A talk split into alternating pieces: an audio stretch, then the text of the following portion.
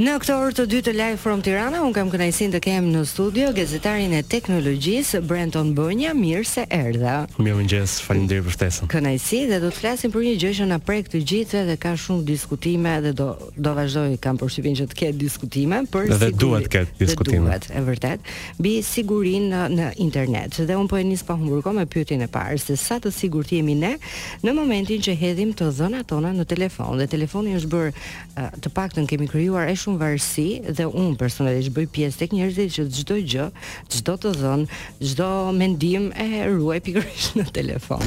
Në fakt do doja të thoja që ë jemi shumë të sigurt, por ndonjëherë nuk jemi dhe aq. Mm -hmm. Dhe ndonjëherë gabimi nuk mund të vijë nga ne, për shkak të ndoshta do të flasim pak më vonë për passwordet edhe çfarë do të kemi, por do çfarë do të kemi parasysh, por ndonjëherë siguria cënohet edhe nga vetë rrjetet sociale sepse mundet që vetë ato të bien pre hakerave. Kështu që thënë kjo do doja të thoja që çdo gjë që ne vendosim online potencialisht mund edhe të pra jemi të rrezikuar. Jemi të rrezikuar. Nuk jemi shumë sepse nëse ne përdorim rrjetet sociale po themi Facebooku, Instagrami, TikToku që janë rrjete sociale me një bazë shumë të madhe sigurie, rreziku nuk është aq i lartë, por asnjëherë nuk është nuk është zero. Dhe meqenëse e përmendë pak, kur jemi ne të rrezikuar? Në çfarë momenti mund që rrjetet sociale të na ekspozojnë më shumë se ç'duhet karshi një rreziku që vjen nga interneti? Atëherë, nëse flasim për rrjetet e mëdha sociale, këto që përmenda pak më parë, ë ato janë shumë të sigurta në vetvete dhe mënyra se si ruajnë passwordet, mënyra se si ruajnë bisedat midis personave që janë të enkriptuara,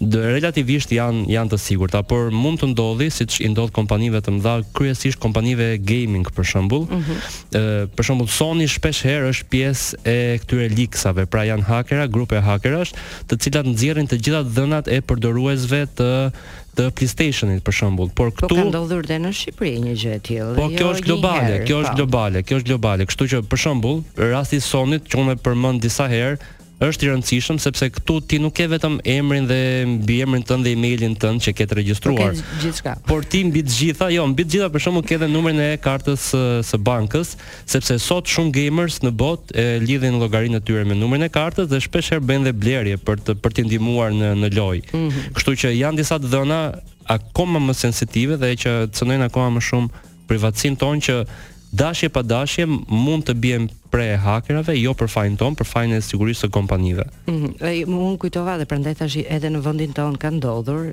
së fundmi ishte Instati, që u tha që u hakerua, edhe që është bërë një mishmash i vërtet, do të thotë. Është bërë një mishmash i vërtet, po në këtë rast nuk janë të nuk jemi ne që i kemi vendosur të dhënat tona në mhm. install dhe nuk është një farë mënyrë përgjegjësia. Jo, prekim sigurisht, nuk është 100% përgjegjësia jonë. Është përgjegjësia e institucioneve në këtë rast. Mm -hmm. Por në rastet që jemi ne vetë që i vendosim të dhënat tona, atëherë në një farë mënyrë është edhe përgjegjësia jonë se të paktën ne duhet të dimë se Çfarë mund të ndodhë nëse nëse këto të dhëna bëhen leak? Atëherë si mund ne të parandalojmë që një person i dytë të hyjë dhe të marrë të dhënat tona? Një gjë që ne e kemi në dorë. Mirë kur bëhet fjalë për korporata që janë ata që i kanë në dorë të dhënat tona, por kur i kemi ne tani?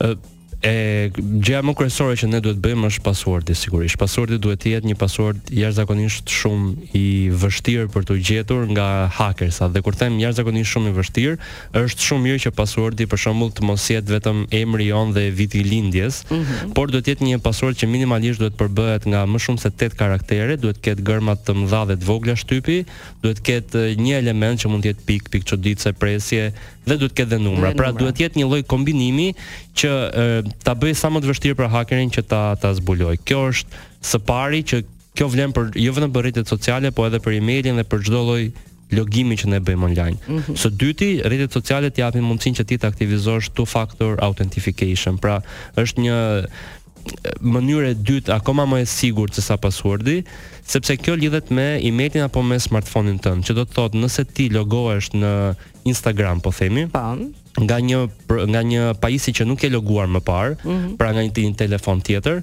atëherë ty të vjen automatikisht një kod me SMS në telefon pa. Po. për ta konfirmuar këtë gjë. Çfarë do të thotë? Kjo do të thotë që edhe nëse dikush arrin ta marrë passwordin tënd dhe logohet në Instagramin tënd, atëherë gjithsesi ai nuk do mund të të të hyjë, sepse mesazhi të vjen ty. Kështu që mm -hmm. në këtë rast mjafton që ti nuk ke pse shqetësohesh sepse thjesht ndërron passwordin, po nuk është se personi tjetër ka nuk ka akses, ka akses po, që të hyjë. Tani meqenëse jemi këtu te passwordet, unë jam një njeriu që kam një problem që shpesh herë i harroj passwordet që vendos.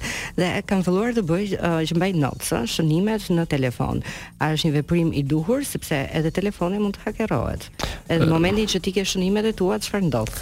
Atëherë veprimi më i mirë që ti mund të bësh në këtë rast janë dy. Së pari duhet t'i shkruash diku dhe t'i shkruash diku pastaj do ishte mirë të ishte një bllok diçka shumë personale jotja. Mm -hmm. Së dyti ka shumë aplikacione të cilat quhen password managers, pra menaxhojnë të gjitha passwordet që ti që ti ke dhe i ruajnë në mënyrë automatike.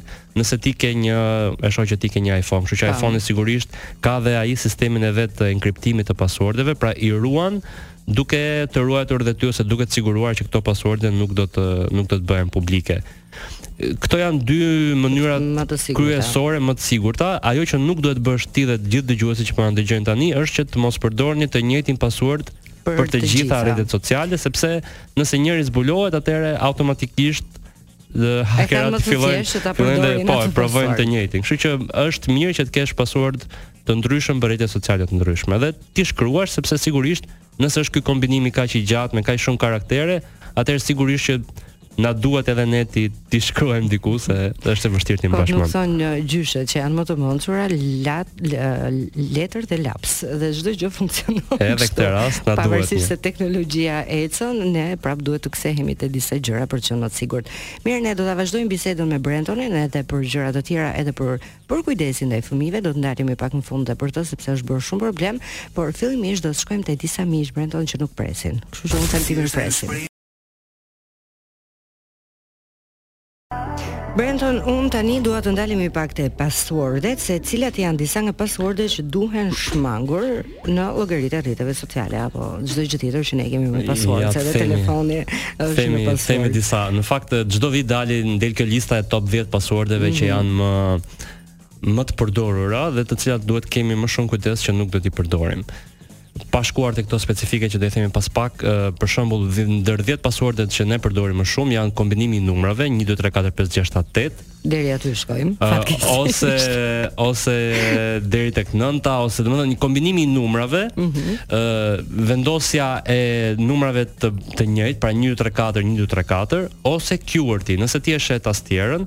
Ë është kjo Q W E R T Y, pra është thjesht një renditje renditje, renditje gërmash që mm -hmm. për ty është shumë e thjeshtë, po edhe për hakerat, edhe me sa duket nuk është vetëm për ty e thjesht, po gjithë bota mendoka, mendoka, mendoka kështu. Kështu që kombinimi i gjithë këtyre që un thash krijojnë këto 10 passwordet që janë 10 passwordet më të përdorura, nga ana tjetër edhe më të rrezikuara. Këtu për shembull nuk kemi fare ato elementet e sigurisë që un përmenda pak më parë, nuk ka kombinime, nuk ka karaktere, nuk ka nuk ka është pra, gërma të mëdha janë super thjeshta dhe duhet patjetër në në në në 100% të rasteve t'i evitojmë. Tjetër gjë që duhet të evitojmë mm -hmm. është emri jonë, emri qyteti i vendlindjes, data e, e lindjes, emri i fëmijëve, emri i kafshëve oh, gjithashtu. Edhe i kafshëve. Dhe mbi të gjitha, shumë kujdes për çunat përgjithsisht emri i skuadrës së preferuar. Zemrës. Po, për shembull gjatë vitit 2023 Ndër skuadrat e futbollit, Liverpooli ishte skuadra që ishte përdorur më shumë në pasuarde. Vërtet? Po, kështu që e, janë disa edhe unë njoh për shembull shumë interista për shembull që vendosin Inter dhe vitin e themelimit të, të Interit si si si pasuard. Kështu që duhet të kemi shumë kujdes në gjërat që lidhen e, direkt me ne, kryesisht këto familjare apo emri i kafshës, po Dua të të ngacmoj pak për sa i përket kafshëve shtëpiake. Për shembull, unë dikur e bëja këto. Por pse është kaq i rrezikuar se mund të kesh një maçok për shembull me një emër jo aq të zakonshëm. Patjetër, po ti je rrezikuar sepse passwordin tënd e gjen dikush që merr informacione për ty. Ti mund të postosh emrin e maçokut tënd në Instagram dhe mm -hmm. kjo e bën shumë të thjeshtë për hakerin që të fillojë dhe të të mendojë sepse hakerat e dinë që njerëzit përgjithësisht vendosin këto tre katër emra, kafsha, skuadra, fëmija, dhe gjurmojnë pikërisht dhe, këto të parat. Po, dhe fillojnë të studiojnë profilin tënd, kuptojnë cilat janë emrat, cila është, cili është qyteti që ti ke lindur, viti dhe fillojnë bëjnë këto kombinime si fillim, mm -hmm. sepse normalisht mendohet që njerëzit përgjithësisht këto përdorin edhe për të evituar atë shkrimin që ti që ti tani e bën, po njerëzit nuk përtojnë të shkruajnë, përtojnë të ruajnë passwordet diku, kështu që ecin thjesht me me atë që i vjen në mend përpara. E di pse po mendoja, maçoku im vite më parë, unë i thërrisja Çiço shkurt, edhe ndoshta edhe postimet i bëja me këtë emër, por në fakt emrin e gjatë nuk e kishte kështu. e kishte Çiço Çiçirino Monamor, kështu ah, që mua më dukej një gjë e sigurt atë periudhë. Por me sa duket jo. Të ka mbetur në një nga passwordet me me emrin. Jo, jo, këtë okay. e kam hequr prej vitesh, okay. prandaj e përmenda se ndryshe nuk do ta thoja. Okej. Okay.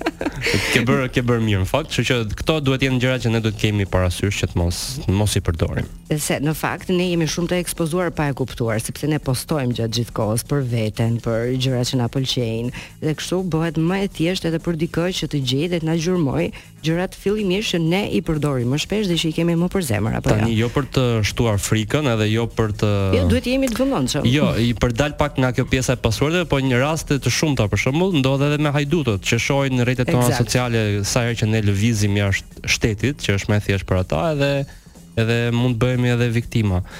Kështu që ne si njerëz të thjeshtë jo, por janë artistët jashtë, për shembull që pikërisht uh, kanë marrë vesh që uh, Taylor Swift, po po e marr si shembull, nuk është në shtëpinë e saj, edhe pse mund të ketë disa, por është në një turne nëpër Europë, edhe atëherë është më e predispozuar për t'u për të shkuar dikush edhe për ta vjedhur.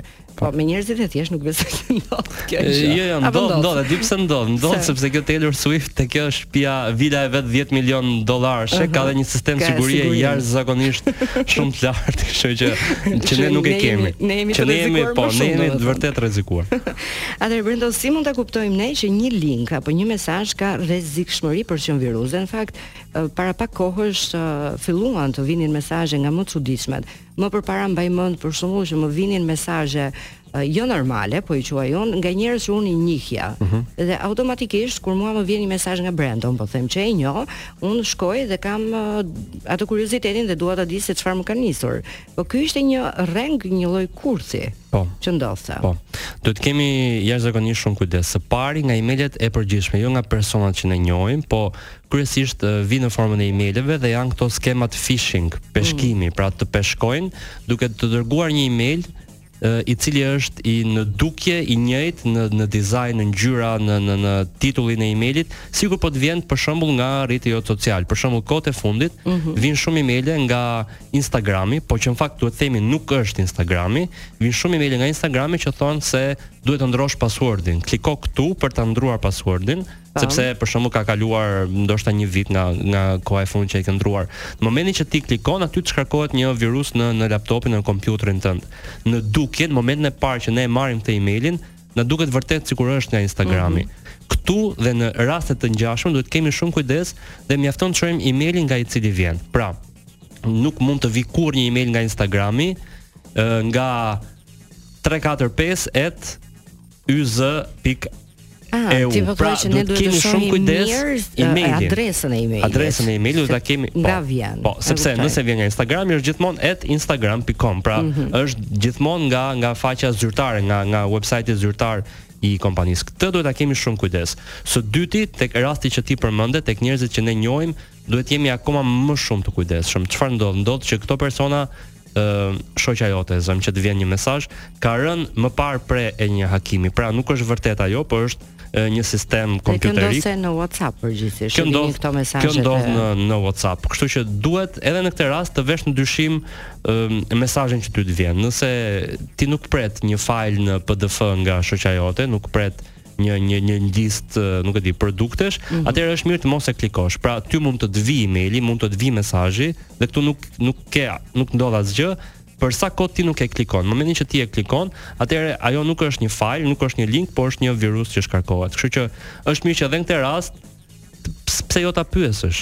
Kështu që duhet me me me t'i kemi t'i kemi parasysh sepse kur e ke një njeri që ti e njeh dhe e ke mik atëherë ti mund ta telefonosh dhe t'i thuash ore çfarë më ke nisur po. por kur nuk e njeh një person nuk do ta klikosh në asnjë rast. Të kemi kujdes. Duhet të kemi jashtëzakonisht shumë kujdes. Çfarë rastesh të tilla të ngjashme ka që neve për momentin hutohemi dhe mendojmë që ok, kjo është një gjë e vlefshme dhe shkojmë e klikojmë atë. Duhet të kemi shumë kujdes rastet më kryesore janë rastet që emaili apo mesazhi që të vjen të kërkon në mënyrë të menjëhershme që ti të klikosh. Pra, gjithmonë njerëzit ë nxiten të reagojnë menjëherë.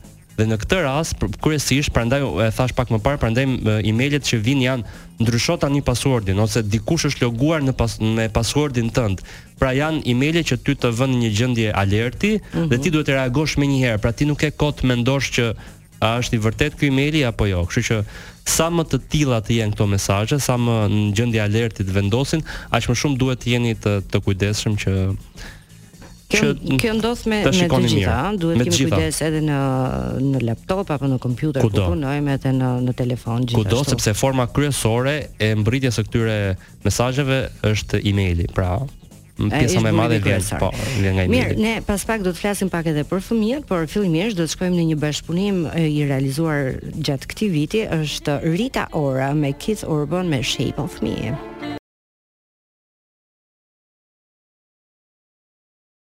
Mirë, Brendon, tani do të ndalemi pak te siguria online e fëmijëve dhe historitë janë pafund personale që di unë edhe falë fëmijëve të komshinjve që kam rreth e qark dhe kam dëgjuar çudira. dhe pa e bërë pyetjen fillimisht TikTokun unë e kam zbuluar vetëm nga um, po them djali i komshisë time që ishte uh, 6 vjeç. Dhe unë nuk e dija që ekzistonte. Sot e përdor? Unë jo. Okay. Edhe them publikisht jo, dhe jam një njeri që nuk është se tërhiqem më shumë nga këto lloj rrjetesh sociale, por më bëri përshtypje se si një fëmijë i vogël 6 vjeç ishte i mirinformuar në të gjitha detajet se çfarë ndodhte me TikTokun. Por do flasim pak më gjatë më vonë për këtë, por fillimisht dua të di se cilat janë rreziqet që vijnë nga përdorimi i tepërt i internetit dhe për fat keq është bërë një fenomen në Shqipëri që fëmijët e vegjël ti i sheh gjatë gjithë kohës me një telefon, me një iPad në dorë dhe që janë duke lundruar nëpër internet dhe duke shkuar në faqe që janë edhe të papërshtatshme për moshën e tyre. Shumë e vërtetë. Në fakt, një studim i vitit 2023 thotë që në Europë 98% e fëmijëve, që do të thotë fëmijë, persona që janë deri në 18 vjeç, përdorin internetin, që do të thotë 100% janë të gjithë janë të gjithë të ekspozuar. Dhe pastaj sigurisht që është edhe përgjegjësia e prindit se si ekspozohen, ku ekspozohen apo çfarë përdorin. por ë uh, rreziqet që vijnë nga përdorimi i rrjeteve sociale i, i internetit në përgjithësi janë të shumta.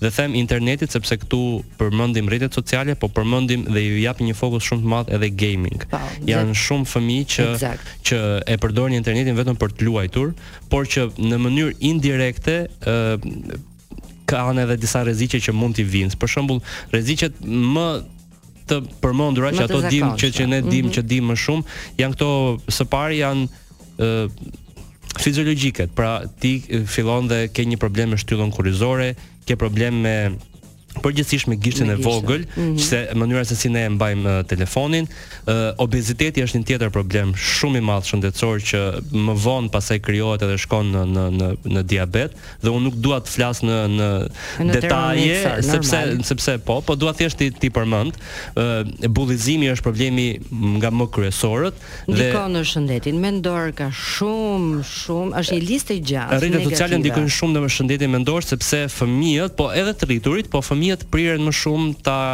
të shohin personazhe të famshëm se si ato vishen, se si ato jetojnë këtë jetën e luksit që në fakt pjesa më e madhe nuk e ka këtë jetën e luksit dhe dhe e kërkojnë ta ta kenë për vete, kështu që edhe e shohin që nuk e kanë ose body shaming, pra është kjo ë fakti që të rinjtë shohin personazhe kryesisht të njohur të botës së së showbizit që kanë të trupin perfekt dhe që këto nuk e kanë dhe fillojnë dhe fillojnë dhe bien në depresion. Këto janë ato po, problemet. Mungesa e komunikimit, një gjë që më bën mua përshtypje gjatë gjithë kohës është që fëmijët nuk po komunikojnë më dhe herë pas here nuk dinë as të shprehin emocionet e tyre sepse futen në këtë botën e tyre virtuale, që aty mund të jenë të shkëlqyer, por për sa i përket botës reale, pastaj kanë një problem shumë serioz në komunikim, në krijimin e shoqërive të reja, pra unë njoh personalisht të rinj dhe të reja që janë shumë social, nëse do ta përdorja si term në rrjetet sociale apo në këto lojrat që luhen në grup, por kur vjen puna në shoqëri reale janë të vetmuar. Dhe kjo është një gjë për të ardhur keq. Dhe jo vetëm kjo, po fëmijët të cilët sot ekspozohen ndaj smartphone-it, ndaj laptopit që në moshën 1, 2, 3 vjeçare, e kanë shumë vështirë dhe fillojnë dhe flasin më vonë mm -hmm. dhe krijojnë fjali më vonë që janë këto gjërat elementare, kështu që pa shkuar tek rinia, unë do doja të të, të fokusohesha akoma më shumë tek fëmijët në moshë më po, më të hershme. Më të hershme. Pastaj dy problemet më të mëdha janë bullizimi dhe pedofilia. Bë, të dyja unë do t'i lidhja akoma më shumë me pjesën e gaming. Çfarë ndodh? Ndodh që të rinjt ose fëmijët kryesisht futen në lojrat që janë online. Sot lojrat që janë online kryesisht pjesa e tyre më e madhe lidhet me mikrofonin dhe me kamerën e mm -hmm. smartfonit tënd, që do të thotë që ti luan me persona të tjerë në një cep tjetër të botës, po mund edhe të bashkëveprosh me ta, pra mund të flisni për të krijuar një strategji për të Loja. për të mundur kundërshtarin, mm -hmm. mund të shiheni me kamera, pra kjo e bën lojën më argëtuese në vetvete, po rrit akoma më shumë rreziqet tek fëmijëve, tek fëmijët. Së pari rrit bullizimin, sepse persona që janë më të mëdhenj në moshë mund të përdorin faktin që flasin live me me mikrofon dhe mund t'i bullizojnë mm -hmm. thjesht për qëllimin për t'i mundur në lojë. Po pra siç është ai nervi i lojës po e quaj po, po, unë. Po po për fëmijën reagimi është është shumë shumë i rëndë.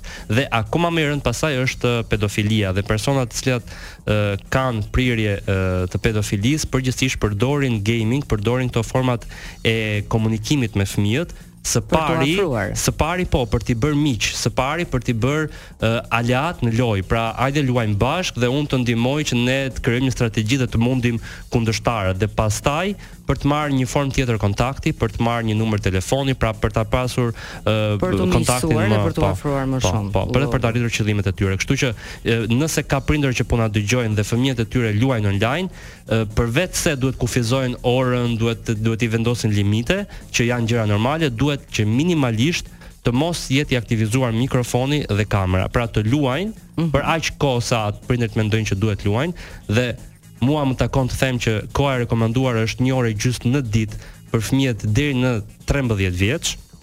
Pra më shumë se një orë e gjysmë në ditë nuk nuk lejo, nuk, nuk është nuk është e këshillueshme mm -hmm. dhe për aq kohë sa ato luajnë duhet që kategorikisht mikrofoni dhe kamera të mos jetë në asnjë rast i aktivizuar. Tani ndodh që prindi në fillim e ka bërë këtë gabim që e ka lejuar fëmijën, por pastaj nuk merr dot më kontrollin. Çfarë sugjerimi do t'i bëje ti?